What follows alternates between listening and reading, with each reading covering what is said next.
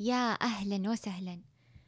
عادة الشخص اللي يدخل في أزمة في حياته صدمة أي ألم نفسي يبدأ يلاحظ بعد التعافي أنه يكون في تغيرات إيجابية وتغيرات للأفضل في شخصيته. ويبدأ يلاحظ أنه ما رجع لوضعه السابق وصار بس متكيف ومستقر لا. دخل في نمو وضعية أفضل من وضعه السابق. وهذا اللي حنا نسميها النمو بعد الصدمة. وفي ناس يلاحظون أنهم بعد الصدمة يتمنون أنهم يرجعون لوضعهم السابق. لا يكونون أسوأ من وضعهم السابق. فليش في ناس يكونون أفضل ويصير لهم نمو ما بعد الصدمة وناس لا؟ بتكلم عن مصطلح اسمه النمو بعد الصدمة. يعني النمو والازدهار والتعافي المصحوب بتغيرات إيجابية.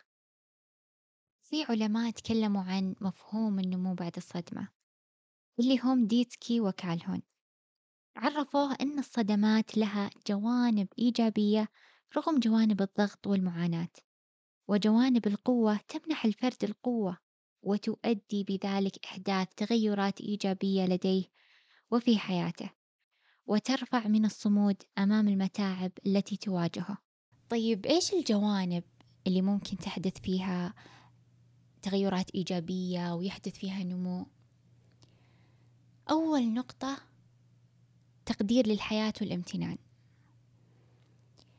يعني الشخص اللي يدخل في تجربة صعبة صدمة أي أزمة مر فيها وطلع منها يبدأ يلاحظ أنه يقدر الحياة بشكل أفضل يقدر تفاصيل النعم يقدر أمور كثيرة ما كان قبل يشوفها بهذه الطريقة.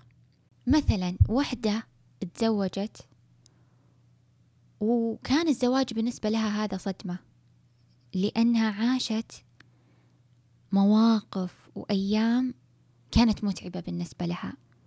وشافت تعامل هي ما شافته في حياتها. عاشت مثلا مع شخص آه، متعب أهانها عاملها بطريقة ما كانت تمام عاشت عنف عاشت يعني أي شيء من هذه الجوانب. فهي لما تنفصل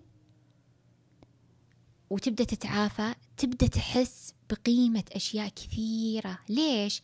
لأنها عاشت فترة فقدت فيها هذه النعم. لما الشخص يجرب النقيضين يعرف هذا المعنى. يعرف معنى النعم هذه. يعرف معنى الأمان لما يعيش بعدم أمان. يعرف معنى الراحة لما يعيش بعدم راحة. يعيش بانزعاج يعيش بخوف. يجرب معنى قيمة إنك تنام. تنام وإنت مرتاح. مو تنام وإنت زعلان. تنام وإنت خايف من بكرة. يجرب معنى إني أنا كنت عايش مع أهل. ما كنت أعتقد إن الجلسة معاهم إن الوقت معاهم. اللي كنت مثلا أحيانا أحس إنه عادي وشي طبيعي أو طفش. إنه لا نعمة. نعمة. الأوقات الهادية كانت نعمة. آه راحة البال كانت نعمة. إني أنا أقدر أركز بشغلي بكل هدوء كان نعمة. هذه الجوانب. فيبدأ الشخص يكون عنده تقدير عالي عالي الجوانب كثيرة فقدها أو جوانب كثيرة اكتشف إنها نعمة.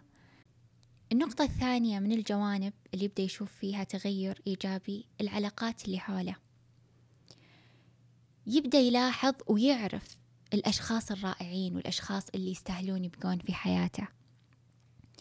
يبدأ يقدرهم يقدر وجودهم. مثلا شخص توفى له شخص عزيز. وعاش في فترة كانت صعبة. فالأشخاص اللي وقفوا معاه الدعم اللي وصل اللي وصله منهم يكون بالنسبة له غير. ويأثر عليه ويحسسه بقيمة هذه العلاقات.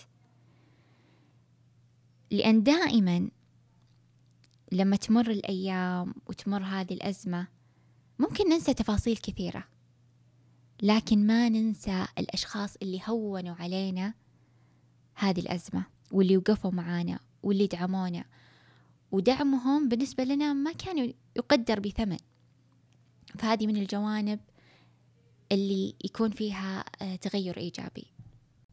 ومن الأشياء اللي يلاحظ الشخص فيها تغيرات إيجابية إحساسه بالقوة بقوة شخصية بالثقة بالذات وجدارته وقدرته على إدارة الضغوط ومواجهة المواقف مستقبلا لأنه يحس أنه مر بخبرة. آه، يحس أنه صار يشوف الأشياء بمنظور ثاني صار يعطيها حجمها الطبيعي.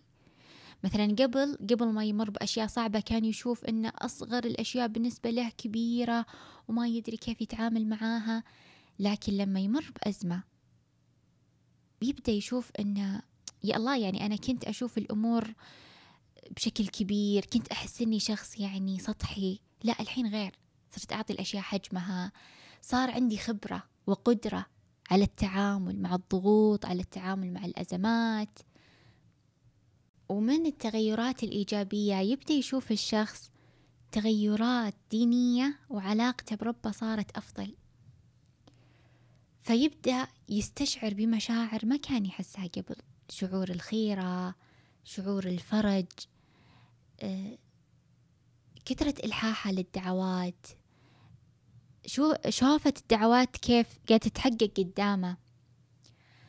والصعوبات اللي تمر بحياتنا يتعب الشخص لما يغضب يبدأ يغضب على ربي يبدأ تجيه أسئلة وجودية.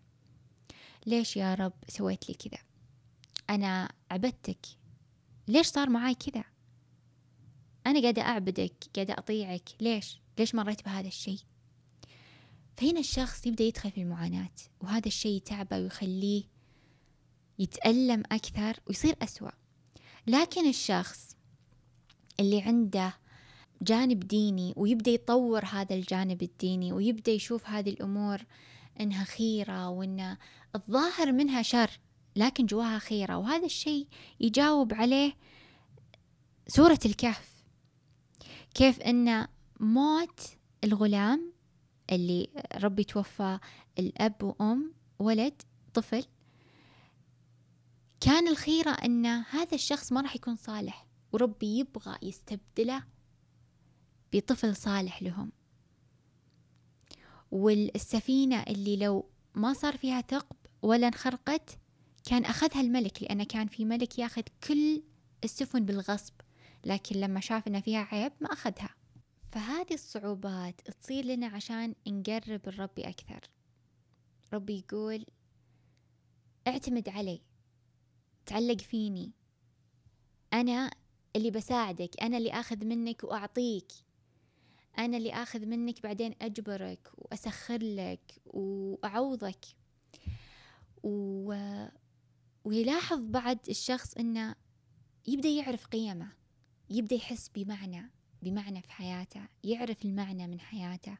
طيب ليش مو الكل يجيهم هذا النمو؟ ليش في ناس بعد الأمور الصعبة اللي يمرون فيها بحياتهم تكون نظرتهم لنفسهم والآخرين والعالم تصير سيئة تصير أسوأ من قبل. أول نقطة الاستعداد. يعني الشخص يكون عنده استعداد لهذا الشيء. آه، مرونته النفسية ضعيفة. عنده نمط تفكير متعب. عنده أشياء تراكمت جواه من الماضي ما عرف كيف يتعامل معاها. ولا عدلها. عنده طريقة تعامل مع الحياة مع نفسه عدم قبول لنفسه للحياة. عنده أشياء يعني متعبة فعنده استعداد يهيئه إنه لما يدخل في حدث ضاغط يكون أسوأ. ما عنده انفتاح على الحياة ما عنده قبول عنده نظرة سلبية. من أكثر الناس اللي يتعبون اللي عندهم هذه النظرة السلبية. النقطة الثانية عدم مواجهة الأزمة. الشخص اللي ما يواجه الشيء المتعب اللي مر فيه مستحيل إنه يحقق النمو. الشخص اللي ما يسمح لنفسه إنه يتألم إنه يغضب إنه يحزن إنه يواجه هذه الصدمة ما يهرب من مشاعره ما يهرب من ذكرياته ما يروح يخدر مشاعره بأي تخدير يعطيه راحة مؤقتة لكن على المدى البعيد قاعد يألمه. زي مثلا اللي يدخل بالأكل العاطفي اللي يدخل آه، بالهروب بكثرة الشراء بالنوم آه، بالسفر بإدمان المخدرات بالعلاقات الغلط. هذا شخص مستحيل إنه بيحقق النمو. لا هذا الشيء بيخليه ينزل أكثر يرجع لورا أكثر يتعب أكثر. النقطة اللي بعدها عدم الوعي عن تأثير ما تمر به.